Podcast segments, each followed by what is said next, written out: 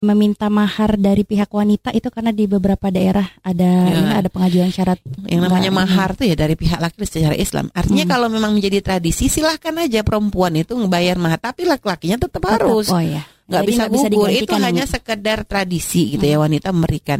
Tapi tetap di dalam syariat nggak bisa langsung menggantikan Ya. aturan syariat yang mewajibkan seorang laki-laki untuk membayar mahar kepada si wanita. Tetap aturan mahar itu adalah dari kaum si pihak lelaki sebagai orang yang akan memberikan nafkah kepada istri kan begitu. Baik. ibarat itu ya bahasanya ya meminta si istri dari keluarganya untuk menjadi eh, bagian dalam hidupnya jadi orang nanti akan diberikan nafkah itu kayak menunjukkan ini loh tanggung jawab awal saya gitu loh sebagai seorang suami Hmm. menunjukkan kepada keluarga kesungguhannya di dalam memegang peran sebagai seorang imam di dalam keluarga.